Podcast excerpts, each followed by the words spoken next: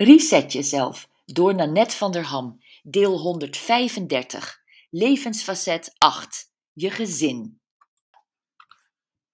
Een fijne gezinsband is de basis voor een heel mensenleven. Het idee dat je nooit helemaal alleen bent en altijd naar je ouders, broers en zusters kunt gaan, is toch heerlijk? Ik vraag mij, als ik niet weet hoe ik iets moet doen, vrijwel altijd af hoe heeft de natuur het bedoeld? In het geval gezin is het natuurlijk de bedoeling dat we opvoeden, maar ook dat we ons gezin eigen keuzes en eigen fouten laten maken. En dat we onze kids op tijd op eigen benen zetten. Een gezin is al lang niet meer vader, moeder en de kinderen. Patchwork-gezinnen of samengestelde gezinnen brengen hun eigen aardigheden en onaardigheden mee.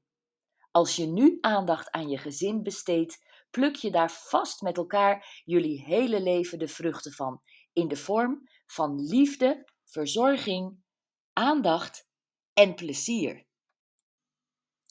Hier komt jouw resetter nummer 15. Draag de zorg voor je gezin af en toe over aan een ander als je even afstand wil nemen. Een gezin kan je energietank leeg slurpen, je eigen bron laten opdrogen en jouw instellingen volledig op tilt doen slaan. Regelmatig resetten door tijd te nemen voor jezelf is dus hier zeer op zijn plaats. Zo niet noodzakelijk.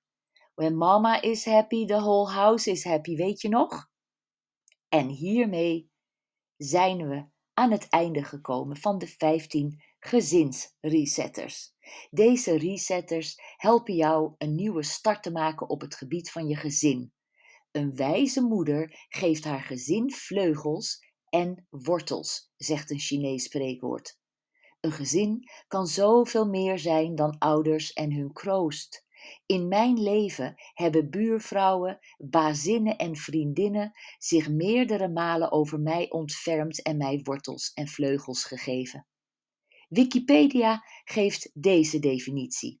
Een gezin bestaat uit al dan niet verwante personen die duurzame en affectieve banden hebben en elkaar onderling steun en verzorging verlenen. Zo kun je onder het motto Alleen is maar alleen ook een gezin vormen met je vriendinnen, met je studiegenoten, je collega's of je buren. Tot de volgende keer.